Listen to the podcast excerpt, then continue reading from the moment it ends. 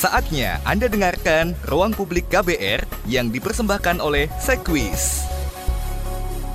Selamat pagi saudara, kembali lagi Anda mendengarkan Ruang Publik KBR dengan tema Ancaman Penyakit Masyarakat Modern dan Pentingnya Asuransi Kesehatan yang dipersembahkan oleh Sekwis dan bersama saya Rizal Wijaya. Saudara, kesehatan uh, ini merupakan bagian yang paling penting ya dari hidup kita, dari manusia yang harus dijaga, apalagi di era modern seperti sekarang ini, di mana masyarakat cenderung lebih senang memanfaatkan teknologi secara instan untuk misalnya membeli sesuatu atau berbelanja online ketimbang jalan kaki atau berolahraga. Nah, selain itu, pola makan yang tinggi lemak, kemudian garam dan kalori memicu munculnya berbagai penyakit. Bahkan tidak hanya menyerang mereka yang sudah berumur, tetapi sudah banyak loh yang menyerang usia muda di antara 25 sampai 30 tahun. Untuk itu selain menjaga dengan pola hidup sehat, sebaiknya sejak dini kita juga harus memproteksi diri dengan yang namanya program asuransi kesehatan. Nah, mengapa asuransi kesehatan menjadi salah satu produk keuangan yang sangat penting untuk dimiliki oleh setiap orang? Apa saja sih yang harus diperhatikan ketika memilih asuransi? Nah, hari ini kita akan bahas semuanya bersama dua narasumber yang sudah hadir di studio KBR. Saya akan sapa terlebih dahulu, yaitu ada Ibu Felicia Gunawan. Selamat pagi. Selamat pagi, Risa. Ya, Ibu Felicia Gunawan selaku VP Head of Corporate Branding Marketing and Communication Sequis. Kemudian yang kedua, saya akan menyapa Dr. Yosef Franciscus, Health Claim Senior Manager Sequis. Selamat pagi. Selamat pagi Bro Rizal Yes bro Baik Nah yang pertama Saya akan tanya dulu nih ke uh, Mbak Felicia Gunawan dan juga Dr. Yosef uh, Mitos atau fakta sih sebenarnya Orang yang hidup di zaman dahulu Ya atau nenek moyang kita mm. Itu lebih uh, Apa nama berkesempatan untuk hidup lebih lama mm. Dibanding atau panjang umur dibanding dengan orang, orang zaman sekarang, zaman modern. Orang zaman now. Ya, zaman uh, now. Mitos atau fakta ya. Sebenarnya sih kalau kita ngitung pakai perhitungan matematis ya, mungkin bisa dibilang kayaknya fakta deh gitu. Fakta. Matematisnya adalah mungkin boleh di boleh dilihat di statistik gitu ya. Saya juga nggak ngeliat apa nggak hafal angkanya persis gitu ya. Tapi secara statistik uh, tingkat hidup, tingkat usia hidupnya orang zaman dulu mungkin lebih banyak yang sampai usia 90 bahkan mungkin nenek kita gitu ya atau uh, kakek kita itu bisa sampai usia 100 tahun lebih. Betul. Gitu. Sementara yang sekarang mungkin istilahnya tingkat uh, usia uh, hidup itu sudah makin lebih pendek gitu ya. Menurut Dokter Yosef gimana? Dokter Yosef. Ya uh, dua-duanya ada benar dan ada salahnya juga ya. Ya kalau kita lihat kan uh, zaman dahulu uh, teknologi belum terlalu tinggi Nah, otomatis mereka penanganan bencana juga tidak baik. Hmm. Maka walaupun umurnya panjang, kalau kena bencana alam ya mati semua juga. gitu ya dok. Tergantung, iya. tergantung sumbernya. Tergantung, tergantung sumbernya. Apakah karena mungkin masyarakat zaman dulu lebih mengandalkan aktivitas fisik di jam dibanding Betul. dengan zaman sekarang. Iya, iya, itu itu udah pasti gitu. Karena kan hmm. zaman dulu transportasi belum sebanyak sekarang, belum sekomplit sekarang gitu ya. Mereka kecenderungannya pilihannya naik uh, sepeda atau jalan kaki gitu iya, ya. Ke pasar aja bisa berapa kilo kan itu kan olahraga juga. Betul. Iya juga ya. Betul. iya, kalau sekarang kan tinggal turun jalannya cuma berapa langkah nyampe gitu. Jarang sekarang melihat orang di pinggir jalan, di tepi jalan jalan kaki gitu ya. Hmm. Berurutan jarang. ke pasar atau ke naik motor. Betul. Ke pasar aja udah sekarang kan ada aplikasi. Baiklah. nah, uh, kali ini uh, sesuai dengan tema kita, ancaman penyakit masyarakat modern dan pentingnya asuransi kesehatan. Nah, penyakit modern, penyakit modern itu apa sih sebenarnya? Apa bedanya dengan penyakit uh, zaman dulu? Ya, penyakit penyakit modern sama. Eh, sebenarnya kurang lebih sama. Tentu ada sedikit perbedaan yaitu uh, tingkat usia uh, kalau di zaman dahulu misalnya kena penyakit diabetes itu rata-rata kita dengarnya kan 60 70 tahun. Hmm. Stroke juga sama kurang lebih pada usia tua. Kalau di zaman modern ya kita jangan kaget diabetes itu usianya udah 8 9 tahun sudah kena, stroke udah 11 12 tahun sudah kena. Ya karena ya tadi yang sempat kita bahas faktor olahraganya juga sekarang sudah kurang tempat sarana olahraganya juga nggak ada kan. Kalau zaman dulu orang masih sedikit, jaraknya masih jauh-jauh. Sekarang uh, orangnya sangat banyak, jadi udah nggak ada ruang uh, publik gitu kan, jarang sekali. Jadi otomatis pengaruh ke kesehatan juga.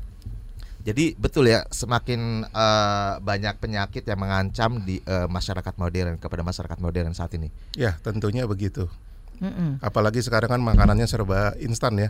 Makanan instan itu kan bahayanya semua makanan diangetin pakai microwave. Mm. Nah dengan suhu yang sangat tinggi, otomatis vitamin dan uh, nutrisinya semuanya sudah rusak. Jadi apa yang kita makan itu mengenyangkan tapi tidak ada nilai nutrisi ke dalam tubuh kita. Itu yang sebenarnya merusak kita yang disebut penyakit degeneratif. Okay. Jadi uh, pertumbuhan selnya berhenti karena tidak dapat nutrisi yang baru.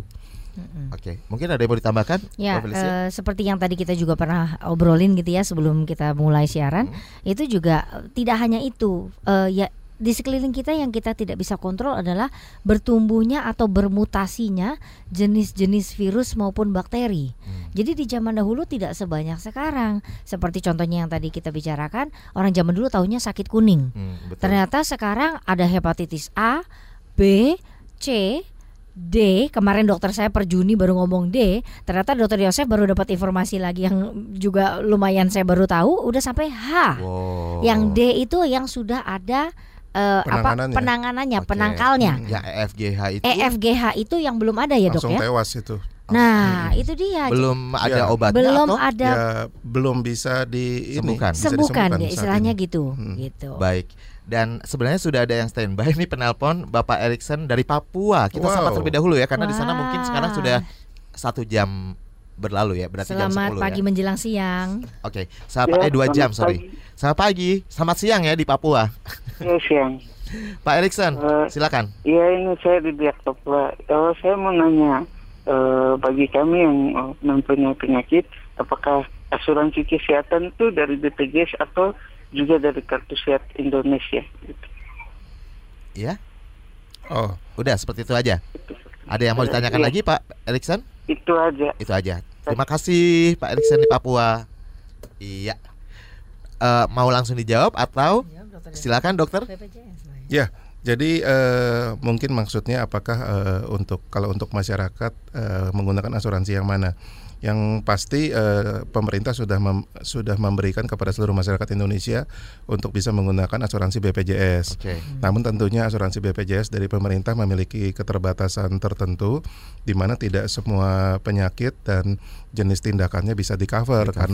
Kalau di cover semua pemerintah juga kan pasti nggak mampu ya rakyatnya terlalu banyak. Dan jadi itu guna ya. jadi itulah gunanya asuransi swasta seperti Sequis bisa menambal hal-hal yang kira-kira tidak ada di asuransi BPJS. Jadi sebenarnya keduanya penting tuh Pak Erikson. Kalau bisa Bapak punya keduanya. Ya. Gitu. Baik. Nah, sekarang kembali lagi uh, atau mau ditambahkan untuk Pak Erikson? Sama, sama, sama seperti sama. yang kami katakan gitu ya. Baik. Kalau memang punya kemampuan lebih, lebih baik kita tambah, uh, kita tambah, kita komplitkan dengan asuransi dari pihak swasta. Gitu Baik. salah satu lewat Sequis. Gitu. Ya, nanti kita akan bahas lebih dalam lagi ya. soal asuransi Sequis ini, ya. ya kan? Tapi sebelumnya saya kembali lagi ke penyakit yang mengancam masyarakat modern. Apa saja nih jenis penyakit yang mengancam masyarakat modern. Tadi mungkin sedikit sudah disebutkan. Ya kalau yang top-topnya ya uh, stroke itu ya sangat top ya. Kemarin bahkan saya sendiri baru kehilangan teman yang umurnya kurang lebih sama. Itu uh, kena penyakit stroke padahal dia seorang yang juga olahraganya cukup baik. Kalau menurut saya dibandingkan saya ya saya olahraga cuma seminggu dua kali dia seminggu lima kali tapi kena stroke juga gitu. Nah itu salah satu yang bikin kita concern. Kemudian yang kedua penyakit jantung. Penyakit jantung sekarang sudah jadi gaya hidup ya. Kemarin di tempat gym fitness uh, ada seorang uh, bapak-bapak bilang uh, ini saya dipasang ring uh, sudah pasang 5 kurang lebih nilainya seperti Alphard. Saya bilang wah kok dia bangga ya ada Alphard di jantungnya gitu. Tapi ya itu jadi jadi satu pameran gitu ya. Kalau zaman dulu kan kita takut dipasangin ring sekarang mereka jadi kayak biasa. Prestis. Artinya penyakit ini sangat banyak ya. Penyakit ya, ini sangat banyak luar biasa.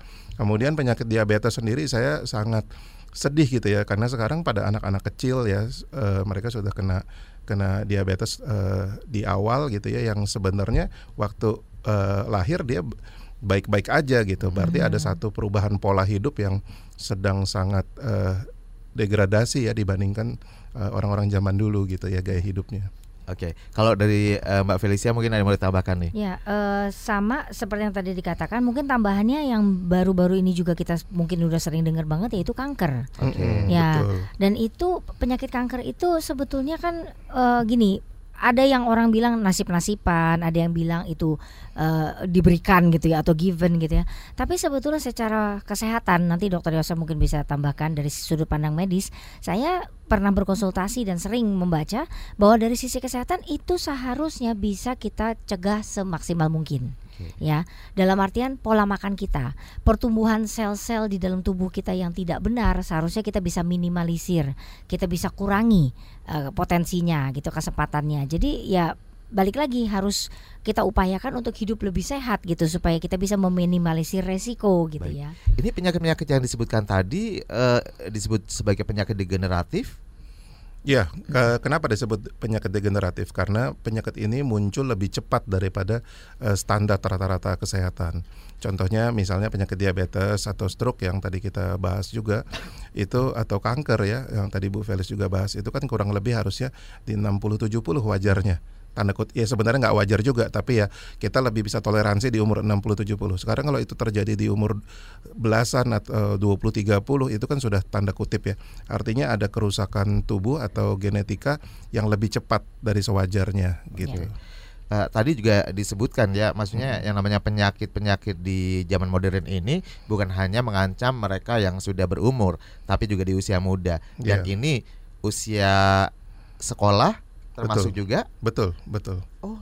Jadi gitu. sudah bukan lagi uh, kita merasa aman. Oh, saya nanti umur 40 lah baru hmm. mulai penyakit. Sekarang sudah nggak seperti itu gitu. Itu sebabnya uh, pada anak-anak zaman sekarang juga mulai digalakan kesehatan ya seperti uh, menteri yang baru juga bilang uh, jangan hanya sekedar pelajaran teori olahraganya aja tapi olahraganya juga bahkan di mau ditambah jam olahraganya menurut Prakteknya. saya itu betul sekali gitu ya ya baiklah hmm. dan ini tentunya uh, jangka panjangnya adalah bakal berdampak terhadap produktivitas tenaga kerja kita dong. otomatis iya, gitu kan? kalau sering nah, sakit kan jadi sering nggak masuk kerja juga gitu betul betul jarang siaran ntar bisa aja dokter.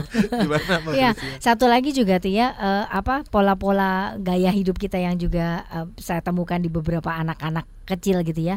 Ada sebagian lumayan banyak gitu ya saya nggak bisa bilang besar saya nggak ngitung juga dari populasi tapi sebagian yang lumayan banyak ini anak-anak yang takut sama matahari bisa-bisanya bilang aduh saya nggak mau hitam. Kata mama saya saya nggak boleh hitam. Hmm. nanti saya nggak cantik lagi. Aduh itu dari mana? Gitu ya. Padahal ternyata balik lagi kita kembali kepada penciptaan kita kan. Betul. kita diciptakan sebagai manusia matahari kan sudah ada duluan hmm. ya nggak? Berarti matahari diciptakan Tuhan pasti ada gunanya dong. Nggak mungkin nggak ada gunanya terutama buat tubuh kita. Oleh sebab itu ya jangan takut dong sama matahari gitu. takut hitam ya. Takut, takut hitam katanya bilangnya. katanya. mending kalau ngomongnya yang lebih serius gitu takut kanker kulit atau apa ini nggak takut hitam gitu belum sampai ngebahas ke arah yang kanker kulit gitu jangan gitu ya itu Baik. pola hidup yang saya bilang iya. tadi nah harus herannya nih pada masa kini nih zaman modern masyarakat modern ini kan memiliki uh, banyak teknologi yang canggih betul, betul. Di, ya. dibanding dengan masyarakat zaman dulu ya. Terus kemudian ini kan tentu dari teknologi ini bisa dimanfaatkan untuk lebih baik, untuk ketentraman, untuk kenyamanan, untuk kesehatan. Ya. Ini apa sih yang salah sebenarnya? Justru semakin modern, justru ancamannya semakin besar. Uh -uh. Jadi gini, teknologi itu ada untuk mempermudah hidup manusia, okay, pastinya yeah. gitu ya. Itu untuk mendukung. Tapi yang kita mesti ketahui adalah jangan sampai kehidupan manusia yang pada aslinya seharusnya bagaimana justru malah totally uh, secara total berubah drastis gara-gara teknologi. Contoh, gara-gara kemudahan teknologi transportasi tadinya manusia lebih seneng jalan kaki ketemu matahari lamaan dikit hmm. ini sekarang jadinya nggak mau mau yang instan mau yang cepat dijemput depan pintu pagar jadi cuma lompat masuk ke mobil sampai diantar juga di depan pintu uh, lobi. Tinggal lompat masuk ke lobi.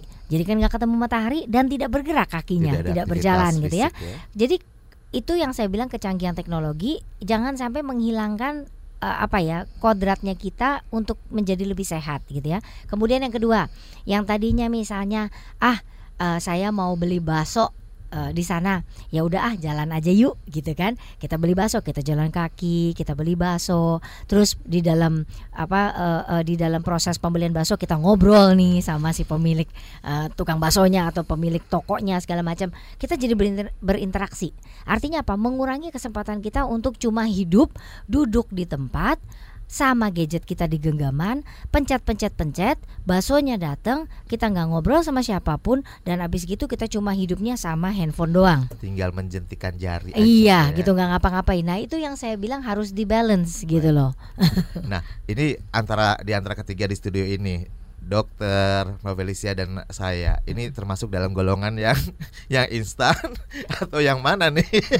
Karena kan uh, gimana pun juga kita uh, jadi memanfaatkan teknologi juga sekarang kan. Uh, uh, kalau saya, saya dulu kali ya nanya nanyanya. Kalau saya termasuk balance, okay. balance karena saya uh, sadar bahwa penggunaan laptop dan penggunaan handphone itu yang membuat kemampuan mata saya berangsur-angsur tahun demi tahun berkurang. Baik. Saya menyadari banget gitu ya. Jadi saya berusaha untuk ke balance saya kurangin. Kemudian saya orang yang seneng jalan-jalan hmm. karena saya tahu bahwa kaki saya, badan saya harus bergerak Baik. gitu ya. Sehingga saya kalau belanja saya tidak sebisa mungkin saya tidak pakai online, tapi saya akan langsung datang pilihannya mau pasar tradisional boleh, mau ke supermarket boleh, tapi saya lebih senang berjalan dan melihat. Oke. Gitu. Kalau dokter pasti lebih ini lagi dong, menjaga ya nggak sih? Ya teknologi tetap harus dimanfaatkan ya karena itu ada gunanya juga buat kita. Karena ada aplikasi olahraga apa segala macam kan? Nah, kalau itu olahraga jempol ya, jadi itu nggak ada nggak ada keringatnya itu gitu. Nah, ada aplikasi. Dokter, tapi kita jeda dulu ya. Iya. Jangan ke mana-mana. Masih Anda dengarkan Ruang Publik KBR yang dipersembahkan oleh Sekwis. Masih bersama saya Rizal Wijaya dan kita masih membahas soal ancaman penyakit masyarakat modern dan pentingnya asuransi kesehatan dan saya tidak sendirian karena masih bersama dua narasumber. Uh, sekali lagi uh, di studio kami saat ini ada Dr. Yosef Franciscus, Health Claim Senior Manager Sequis, kemudian uh, Ibu Felicia Gunawan, VP Head of Corporate Branding, Marketing and Communication PT Asuransi Jiwa Sequis Life ya. Baik, dan ini ada pertanyaan dari Arif. Arif yang ada di Lampung. Kanker itu jenis penyakit karena faktor keturunan atau seperti apa, Dok? Ya, kalau disebut eh, keturunan ya bisa saja. Walaupun sam sampai saat ini penyakit kanker belum bisa didefinisikan sebagai uh, penyakit akibat genetik juga gitu ya. Jadi multifaktor gitu ya. Karena ada juga contohnya orang-orang yang menderita kanker tapi ya, generasi di atasnya tidak ada yang kena walaupun kalau situasinya terbalik lebih banyak ya. Jadi di atasnya semuanya sudah kena ya biasanya turunannya lebih gampang kena. Okay. Jadi itu lebih ya belum ya. bisa disebut sebagai pasti dari DNA-nya belum tentu. Lalu karena faktor uh, jadi kanker ini adalah perubahan mutasi. Jadi dari satu mutasi sel dia berubah nah dan dia menginfeksi sel-sel tersebut. Nah, yang jadi masalah adalah waktu sel kanker ini tumbuhnya awalnya di mana? Misalnya Misalnya dia misalnya tumbuhnya di uh, sel telur dan sel, uh, dia menginfeksi sel telur tersebut menjadi satu sel kanker dan ketika dia selnya pecah dan terbawa darah, dia misalnya tumbuh lagi di mata, maka matanya bisa seperti ada sel telurnya. Jadi seperti itu dia menginfeksi dan dia bermutasi. Yang jadi masalah dia merubah fungsi dari sel yang diinfeksinya. Nah, itu yang menyebabkan uh, kematian karena sel-sel yang diinfeksi jadi berubah fungsi. Baik.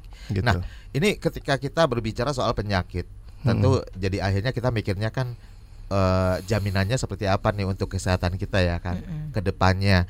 Apalagi kalau kita udah punya anak, hmm. istri keluarga ya gitu kan tanggungannya banyak baik nah ini kan uh, ada beberapa alasan klasik yang mungkin orang masih juga khawatir untuk akhirnya ikut asuransi.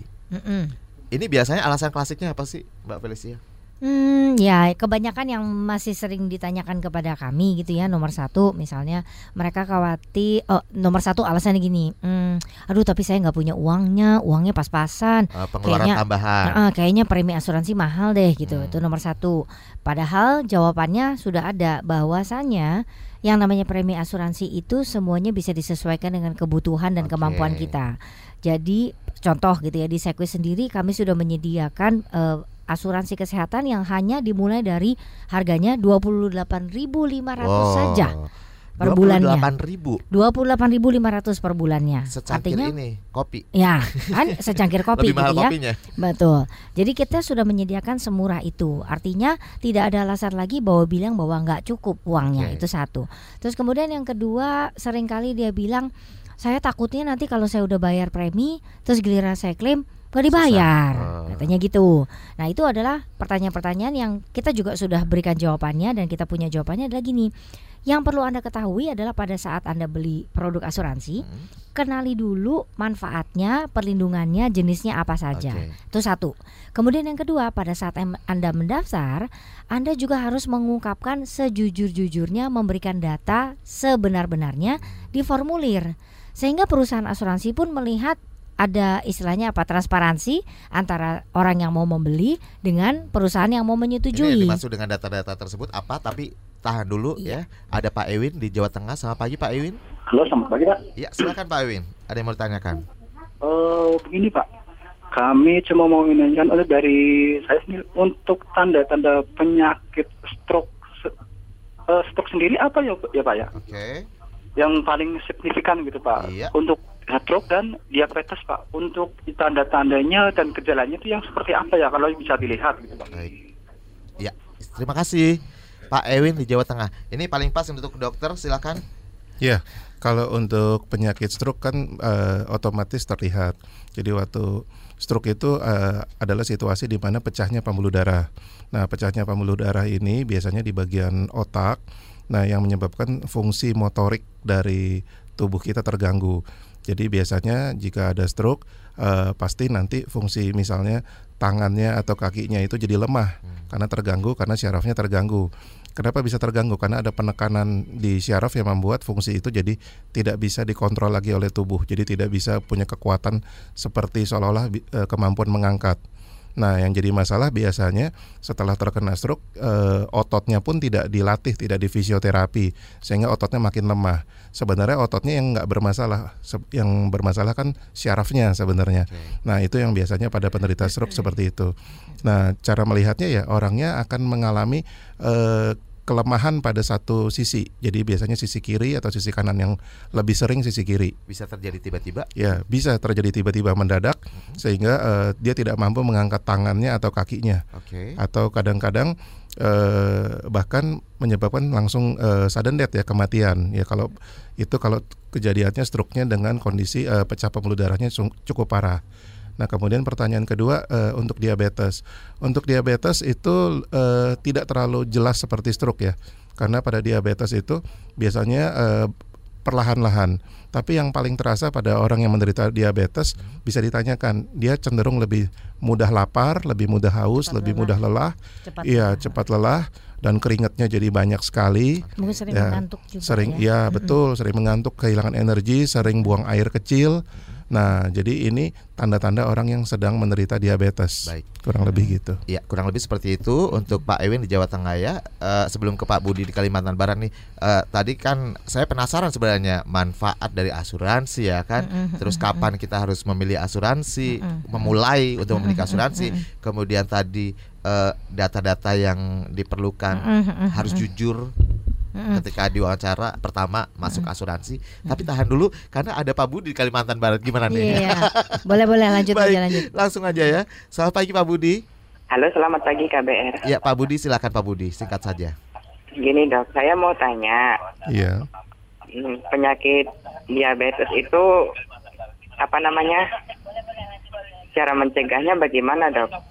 Oke. Iya, Terima kasih. penyakit Iya, Iya. Penyakit diabetes sendiri adalah akibat eh, tubuh kita itu ada gangguan di sel beta Langerhans pankreas untuk menghasilkan insulin. Nah, akibatnya eh, insulin yang dihasilkan lebih sedikit daripada seharusnya. Nah, fungsinya apa insulin? Fungsi dari insulin itu adalah membantu mengubah eh, gula menjadi energi. Jadi akibatnya kalau gula tidak diubah jadi energi, jadi kita kekurangan energi, kita jadi lemas, jadi lebih cepat capek. Nah, jadi eh, untuk para penderita diabetes itu bagaimana mencegahnya? Mencegah mencegah supaya tidak terlalu badannya terlalu banyak eh, gangguan yaitu dari asupan gulanya dikurangi dulu. Ya, dengan eh, dikurangi asupan gulanya, maka tubuh tidak eh, banyak benda keton yang nantinya menyebabkan penyakit diabetes karena dengan insulin yang sedikit dia masih bisa mampu mengubah uh, gula yang ada di dalam tubuh. Baik. Kurang lebih seperti itu. Ya, untuk lebih lengkapnya mungkin bisa konsultasikan ke dokter ya Ya, terdekat. betul. Baik, eh, Mbak Felicia. Mungkin saya menambahkan sedikit karena kebetulan saya ada eh, apa eh, menangani ayah saya gitu ya yang waktu itu sempat kena vonis diabetes. Jadi eh, mungkin saya tambahkan dokter boleh tambahkan juga nanti diabetes itu ada dua tipe. Satu ada yang tipe tipe satu tipe turunan yang memang dari keluarganya Genetik ada eh, gen- genetik. Ada yang tipe dua adalah diabetes karena pola makan. Kebetulan yang terjadi pada ayah saya itu diabetes karena pola makan. Dan tadi dokter sudah mengatakan kurangi asupan gula. Tolong diperhatikan buat informasi eh, seluruh eh, pendengar KBR, gula itu bukan artinya kebayangnya di mata kita adalah gula, Gula pasir, pasir. doang. Gula, Gula pasir merah. yang kita minum, gula merah yang kita minum misalnya sama teh manis apa segala macam. Enggak, bukan hanya itu. Tapi yang perlu eh, orang Indonesia terutama perhatikan adalah nasi. Kenapa? Karena orang Makanan Indonesia orang Indonesia kan bilang katanya kalau nggak makan nasi belum makan Belum makan. bahkan bilang makanan pokok. Nah, nasi ini setelah dilihat eh, indeks glikemiknya itu ternyata memiliki kandungan glukosa yang tinggi. Nah, sehingga kalau orang Indonesia ini terbiasa makan nasinya sebakul, lauknya sedikit gitu ya. Itu yang menyebabkan pada saat usia tertentu di mana produksi insulinnya tidak lagi bisa menekan tingkat gula darah dalam tubuhnya sehingga jadilah itu si diabetes. Oke. Karena ayah saya baru kena kemarin di usia 70-an tahun Baik. Gitu padahal nggak ada turunan sama sekali tidak ada Jadi turunan benar-benar pure karena karena insulinnya makan. tidak bisa menekan gula darah karena beliau masih makan karbohidrat salah satunya nasi salah duanya adalah tepung-tepungan salah tiganya pati kalau mungkin seluruh orang Indonesia tahu pati, pati. adalah tumbuhan-tumbuhan yang menjalar atau umbi-umbian Oke. termasuk wortel itu mengandung gula tinggi Iya. gitu aja Baik.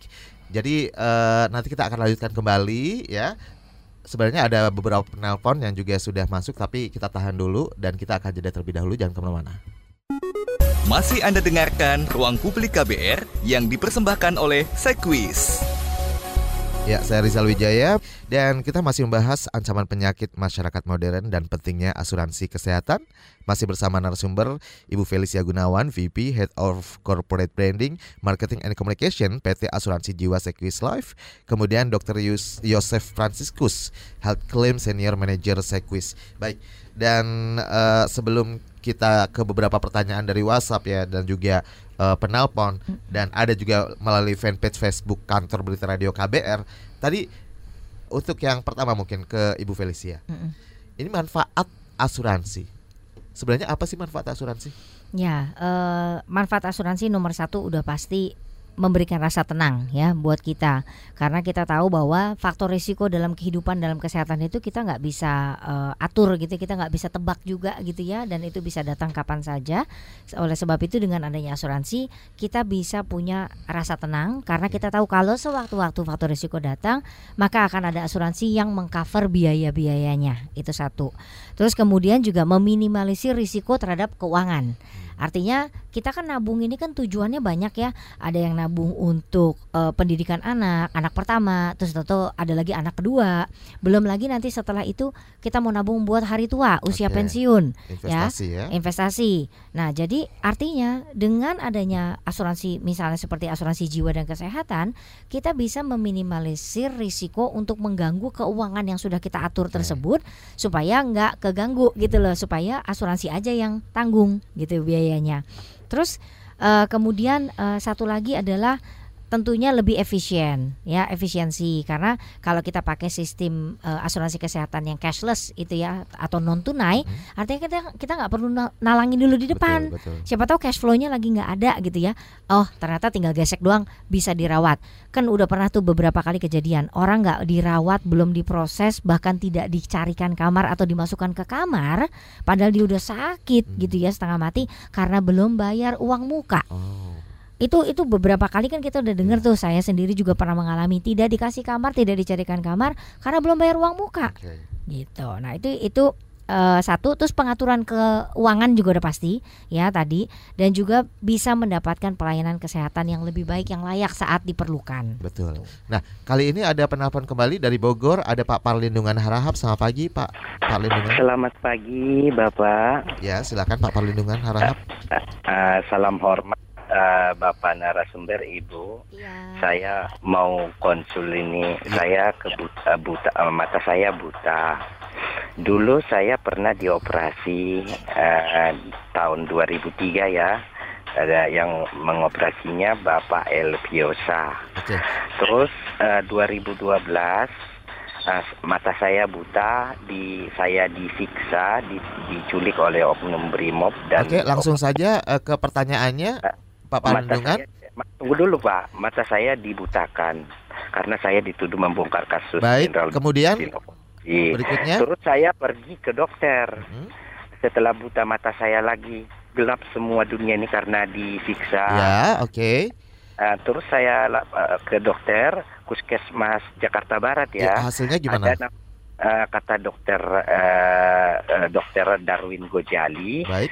eh, dengan baru dia center sebentar doang Pak, Pak Perlindungan mata Anda tidak bisa dioperasi ke luar negeri pun katanya pulang saja Anda gitu. Baik. Saya pertanyaan saya ini apakah seperti itu semua kata-kata dokter yang sangat saya benci seharusnya Baik, terima kasih eh, Pak Parlindungan Harahap ya yang ada di Bogor. Eh ya. Silakan mungkin ada yang mau menanggapi. Ya, kalau Yosef. memang akibat akibat fisik ya, jadi itu bukan buta dari penyakit. Ya, memang eh, yang harus diperiksa adalah apakah syarafnya sudah rusak 100% atau belum. Kalau syarafnya masih masih ada yang berfungsi, mungkin masih bisa sedikit ada perbaikan. Namun kalau misalnya syarafnya sudah 100% rusak, ya memang sudah tidak bisa ada apa pun lagi yang dilakukan, Pak. Baik. Dan eh, kembali lagi ke beberapa WhatsApp yang sudah masuk ya di 081211888181. Kali ini ada sebentar sebentar saya buka terlebih dahulu. Raihana Denugrahani di zaman sekarang apakah lebih baik bagi kita untuk punya beberapa asuransi supaya ada opsi saat berobat? Tadi sebenarnya sudah disinggung Ya, ya di awal ya. Betul betul baik. Karena sering kali setiap asuransi itu selalu punya masalah sendiri-sendiri dengan rumah sakit-rumah sakit tertentu. Oke. Dari Hani di Pamulang. Oke, Mbak Hani, eh, terima kasih atas pertanyaannya. Betul, memang sebaiknya kita secara pribadi itu memiliki eh, asuransi yang cukup lengkap ya. Asuransi itu produknya banyak dan beragam, jadi harus dipelajari. Misalnya ada asuransi yang hanya menanggung asuransi jiwa saja. Jadi kalau misalnya eh, kematian kemudian keluar uang santunan untuk kematian itu jiwa. Kemudian ada asuransi kesehatan Oke. di mana itu untuk menjamin eh, perawatan biaya perawatan kesehatan. Kemudian ada lagi asuransi penyakit kritis di mana yang ditanggung salah satunya adalah jika terdiagnosa penyakit kritis maka akan diberikan misalnya sejumlah uang untuk uh, penggantian peng- peng- pengobatannya. Kemudian ada lagi asuransi yang bisa dijadikan tabungan. Ya, apakah itu untuk tabungan pendidikan atau tabungan untuk dana pensiun. Jadi tentu saja itu semua beragam dan harus disesuaikan dengan kebutuhan. Masalah kalau misalnya masing-masing perusahaan ada masalah, saya nggak bisa menjawab saat ini karena kan kita nggak tahu duduk perkaranya gitu ya. Tapi kembali lagi ke tadi yang topik kita bicarakan di awal-awal, bahwasannya sebagai nasabah kita harus pintar untuk memilih dan harus mau membaca, membandingkan sehingga kita bisa mengetahui perusahaannya seperti apa, produknya yang terbaik yang cocok sama kita. Jangan sampai akhirnya nyesel di Ah, belakang ah, ya kan. betul. Kemudian yang paling penting adalah ketahui manfaatnya. Hmm, Apa saja manfaat yang melindungi kita, betul. tapi juga ketahui apa saja yang dikecualikan. Jadi Oke. perusahaan asuransi jelas-jelas memaparkan tidak ada yang tersembunyi.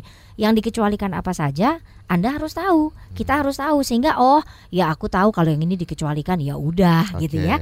Dan sebaliknya kita juga harus jujur mengatakan, misal Nah, ini. dahulu kita saya deh contohnya Juni kemarin saya terkena virus hepatitis A.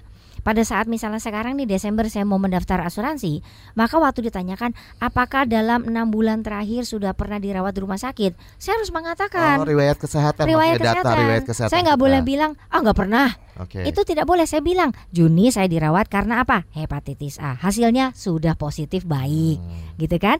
Begitu juga kalau misalnya ada histori lainnya, semua harus diungkapkan. Kenapa? Karena gini, perusahaan asuransi berhak untuk eh, mengetahui kemudian setelah mengetahui memutuskan untuk oh apakah perusahaan asuransi ini akan menyetujui permintaan asuransinya dengan syarat tertentu misalnya preminya ditambahkan atau misalnya oh maaf tapi kami tidak bisa karena ini resiko tinggi. Ya itu kan balik lagi pilihan. Karena kalau kita jadi, tidak jujur jadi masalah di belakang hari. Di mana-mana ya. juga kan Betul. kan kalau perjanjian orang mau menikah antara suami istri harus jujur ya, tidak boleh ada masa lalu yang baru iya. terungkap iya. setelah setelah menikah dong Baik. gitu. Baik, dan sebelum dilanjutkan ada Adi di Cirebon. Selamat pagi, Adi. Ya, selamat siang KPR.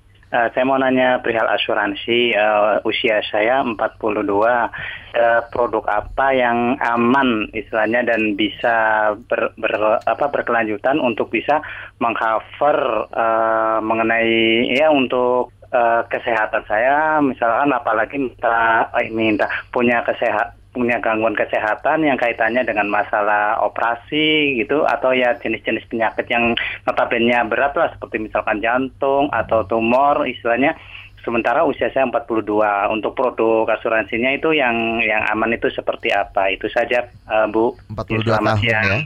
baik silakan Mbak okay. Felicia Uh, mungkin yang saya perlu perjelas karena tadi tidak dijelaskan, apakah maksudnya Pak Adi? Pak Adi sekarang ini sudah punya riwayat mm-hmm. uh, pernah uh, terkena operasi terkait jantung atau tumor atau belum? Nah, seandainya Jadi, sudah. seandainya sudah, Pak, Bapak bisa mencoba, ya, Bapak bisa mencoba mengajukan, tapi harus menyatakan riwayatnya. Tadi okay. sudah pernah operasi jantung tahun berapa, kondisinya gimana, terus berarti Bapak harus uh, nanti akan dikenakan uh, medical check up ya jadi bapak akan diperiksa ulang gitu kesehatannya kondisinya seperti apa sehingga nanti perusahaan asuransi yang akan memutuskan apakah bisa mengcover atau melindungi bapak atau tidak. Nah seandainya belum kemudian bapak bilang ah saya kepingin dilindungi dengan hmm. uh, asuransi perawatan kesehatan terutama untuk yang urusannya nanti kalau saya kena biaya operasi jantung okay. dan segala macam itu bisa berarti bapak uh, mencari produk yang asuransi kesehatan plus dengan penyakit kritis perlindungan penyakit kritis artinya jadi gitu. usia gitu. kapan pun tidak ada batasnya ya ketika tidak kita ada mau batasnya usia usia kapan pun boleh beli asuransi. Baik. Nah keunggulan asuransi Sequis ini apa sih sebenarnya? Asuransi kita keunggulannya banyak. Eh, ya tergantung yang dilihat apa ya gitu. Boleh disampaikan. Uh, salah satunya uh, perusahaan kita yang sedang uh, merupakan menjadi produk unggulan kita adalah namanya Sequis Q Infinite Medcare Rider.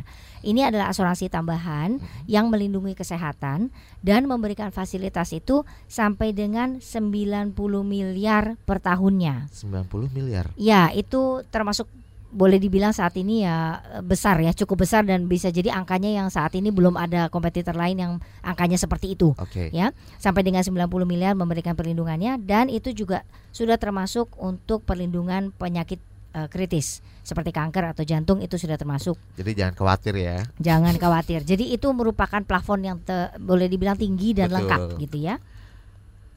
Kemudian Nah, kemudian uh, mungkin beberapa hal lainnya. Kita juga punya sequis uh, platinum mm-hmm. ya, itu juga yang mungkin um, kategorinya adalah perlindungan kelas menengahnya ya. Kemudian kalau misalnya mau lebih terjangkau, kita sudah bisa uh, menyediakan yang tadi saya bilang 28.500 per bulan itu bisa dicek itu di www.superu.co.id. www.superu.co.id boleh dibuka sekarang. Ya. Tapi sebelum kita lanjutkan lagi nih mengenai pilihan preminya juga ya, boleh hmm. nanti ya disampaikan uh, kita akan jeda dulu dokter Mbak Felicia, jangan ke mana-mana.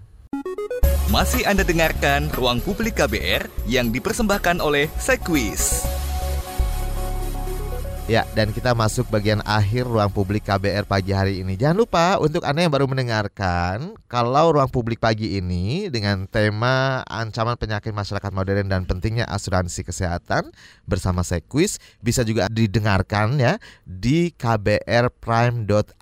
Itu adalah podcast kita dan Anda tinggal pilih ruang publik. Baik, dan uh, tadi sebelum jeda saya juga sudah banyak sekali mendapatkan pertanyaan dari SMS dan juga WhatsApp di 081211888181 selain juga penelpon yang beberapa kali mencoba masuk ya. Uh, nanti Mbak Felicia Gunawan, VP Head of Corporate Branding, Marketing and Communication PT Asuransi Jiwa Sekus Life menjawab satu persatu. Kemudian Dr. Yosef Franciscus, Health Claim Senior Manager Sekus juga masih banyak sebenarnya yang uh, berkonsultasi dokter mumpung hmm. ya, ada dokter. Baik, tapi sebelumnya nih uh, Tony di Jakarta, apa bedanya asuransi Sequis dengan asuransi lainnya? Tadi sebenarnya sedikit sudah disinggung ya. Silakan. Jadi uh, saya kan nggak bisa mengatakan perbedaan secara banding-bandingan begitu dengan kompetitor ya Betul. dengan perusahaan lainnya tentu saja. Tapi uh, segala informasi yang diperlukan untuk Pak uh, Pak Tony melihat itu semua tersedia di www.sequis.co.id. Jadi bisa dipelajari. Kenapa? Karena setiap perusahaan asuransi itu ada plus ada minusnya. Artinya misalnya yang satu memberikan perlindungan seperti kami yang memberikan perlindungan kesehatan sampai dengan 90 miliar per tahun. Ada lagi yang mungkin angkanya nggak 90 miliar gitu ya. Ada lagi yang eh, penyakit kritisnya itu memberikan jaminan perawatan sampai dengan batas rupiah tertentu. Tapi ada juga yang sistemnya memberikan lamsam alias rupiah tertentu akan diberikan pada saat diagnosanya keluar tentang penyakit kritis. Jadi semua tuh plus minus. Jadi artinya ap- eh, kelebihannya plus minusnya itu bisa dibandingkan kalau antar produk. Yang jelas yang saya katakan, Sequis ini sudah berdiri di Indonesia itu 35 tahun lamanya. Dan selama 35 tahun kami terus membukukan keuangan yang baik. Artinya kami adalah perusahaan yang membukukan keuntungan yang baik dan juga boleh dilihat eh, modal berbasis resiko ya atau disebutnya RBC-nya kami itu cukup tinggi. Kami punya RBC itu di atas 600%. Artinya kemampuan kami untuk membayar klaim semua nasabah kami itu sangat mampu. Jadi enam kali lipatnya gitu ya boleh dikatakan. Dan kemudian kami memiliki produk yang sangat komplit, boleh dibilang sangat beragam, sangat lengkap sehingga Anda bisa dengan leluasa memilih mana yang sesuai dengan kebutuhan Anda. Baik, silakan pelajari di www.sequis.co.id ya. Baik, kemudian dari Naning di Surabaya, penyakit apa saja yang bisa ditanggung oleh asuransi Sequis ini? Kalau penyakit yang parah berapa persen besaran yang ditanggung? Kemudian apakah kematian juga ditanggung? Ya, kembali lagi Mbak Naning Surabaya. Ya, Mbak Naning Surabaya, Ibu Naning ya. Eh, produk kami itu sangat beragam. Jadi eh, kalau misalnya saya bandingkan antara satu sama lain itu kan akan eh, agak bias gitu ya. Jadi tergantung. Kalau tadi pertanyaannya adalah eh, eh, apa namanya penyakit kritis apa saja yang di cover. Kami punya produk yang mengcover sampai dengan 120 penyakit kritis. Ya, kami punya produknya untuk 120 penyakit kritis bisa dilihat di uh, website kami. Kami juga uh, meli- melindungi penyakit-penyakit seperti kanker, jantung dan juga stroke. Ya, itu termasuk termasuk juga uh, perawatan untuk komplikasi diabetes itu juga termasuk. Nah, jadi balik lagi itu produknya berbeda-beda, tinggal dipilih gitu ya. Angkanya juga tertera di dalam website kami. Disesuaikan dengan kebutuhan ya. Betul. Baik, Dokter Yosef, ini eh, tadi dari Biak ini ya, Hmm. jauh sekali. Ada Bapak Erikson menambahkan eh, gangguan saraf mata. Iya. Ya, ini bisa dioperasi atau tidak sih? Ya, seperti yang tadi sempat kita bahas juga, kalau memang eh, harus diperiksa dulu oleh spesialis mata dan spesialis bedah mata eh, seberapa berapa persen untuk tingkat eh, penglihatannya bisa pulih. Biasanya eh, dari spesialis mata itu akan eh, akan melihat eh, dari syarafnya apakah fungsinya masih baik atau fungsinya sudah 100% rusak. Jika fungsinya masih sangat baik, maka sangat mu- mungkin untuk dioperasi, sangat mungkin. Jadi itu satu kemungkinan yang bisa dilakukan.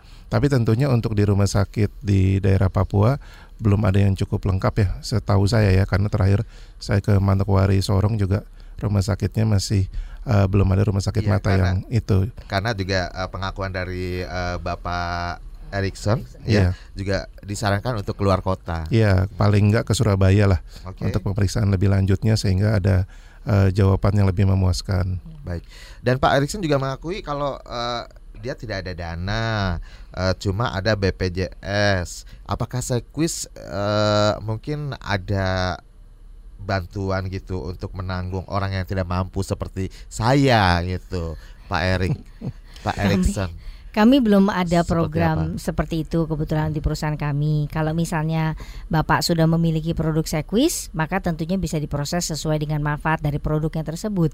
Tapi saya juga merasa bahwa kalau Bapak sudah memiliki BPJS, maka mungkin bisa ditanyakan apakah dari eh, Biak Papua itu dari eh, perawatan kesehatan yang di sana bisa diberikan referensi rujukan gitu. Jadi ke rumah sakit yang lebih baik gitu, yang lebih besar.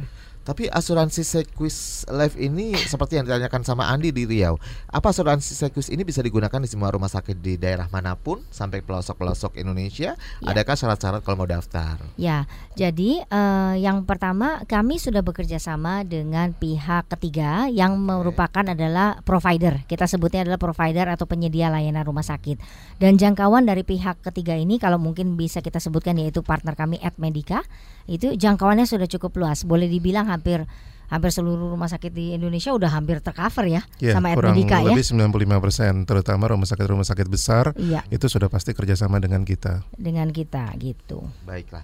Nah, ada juga Wikan dari fanpage Facebook. Kalau sudah punya BPJS, apakah masih perlu asuransi kesehatan dari swasta? Apa bedanya fasilitas dan plafon BPJS dengan asuransi kesehatan Sequis? Hmm. Sebenarnya tadi udah dijawab ya. Perlu, jadi ya. masih perlu gitu ya, karena uh, kami sendiri menerima beberapa kasus di mana ada penyakit-penyakit tertentu yang tidak cukup gitu ya plafonnya okay. di cover oleh BPJS sehingga tidak tuntas lah penyelesaiannya Baik. karena plafonnya terbatas gitu bahkan ada beberapa rumah sakit kerjasama dengan BPJS yang misalnya hanya mengcover uh, apa uh, kamarnya saja hmm. tapi obatnya tidak ada yang mengcover dua-duanya. Nah itu jadi plus minusnya. Maka uh, pertanyaannya perlu apa enggak perlu untuk sangat menambah perlu, sendiri. Sangat perlu menambah BPJS sendiri. itu kan uh, dia mengcover secara standar. Okay. Namun kan ada beberapa penyakit yang kadang-kadang uh, contohnya di ICU. Secara umum rata-rata orang sakit lima uh, hari sampai seminggu lah ya. Hmm. Tapi kalau dia sampai dua minggu tiga minggu, saya rasa pasti dari BPJS akan dipaksa pindahkan ke rawat inap karena itu sudah melewati batas plafon okay. BPJS. Pada hmm. saat itulah apa jadi perlu ya? Iya, pada saat itulah kalau kita punya asuransi dari swasta uh, dari Sequis itu kan jadi nggak usah pindah lagi ke rawat inap karena kan itu sangat bahaya ya kalau ya. dia sudah statusnya di ICU contohnya seperti itu. Nah, yang terakhir sedikit saja mungkin ada uh, pesan atau himbauan kepada masyarakat dari Dokter Yosef terlebih dahulu. Ya, uh, kita di zaman modern ini kita uh, harus mengupayakan diri kita sendiri untuk aware ya untuk terhadap kesehatan itu yang nomor satu yang paling penting jadi kita harus lebih banyak olahraga kita mulai menjaga mendisiplinkan makanan yang kita pilih hmm. jangan sembarangan masuk ke mulut kita dan yang ketiga yang terakhir ya mungkin nanti Bu Felis juga akan kurang lebih sama yaitu jangan lupa untuk proteksi diri sendiri gitu ya Baik. ditabung gitu Ibu Felis sedikit -huh. saja Ya, tadi kan sudah kita bahas seiring dengan uh, pesatnya perubahan gaya hidup masyarakat hmm. modern gitu ya. Apa pun segala sesuatu itu bisa terjadi. Okay. Oleh sebab itu lebih baik kita siap sedia, sedia payung sebelum hujan. Ya, sebaiknya kita memproteksi diri dengan asuransi sehingga kalau terjadi sesuatu semuanya sudah terkendali. Iya, dan saya Rizal Wijaya harus segera pamit. Terima kasih atas kehadirannya Dokter Yosef dan juga Ibu Felicia. Sayang sekali ya, pengen lebih dalam lagi sebenarnya dan saya harus pamit. Terima kasih. Salam. Salam. Baru saja Anda dengarkan Ruang Publik KBR yang dipersembahkan oleh Sequis.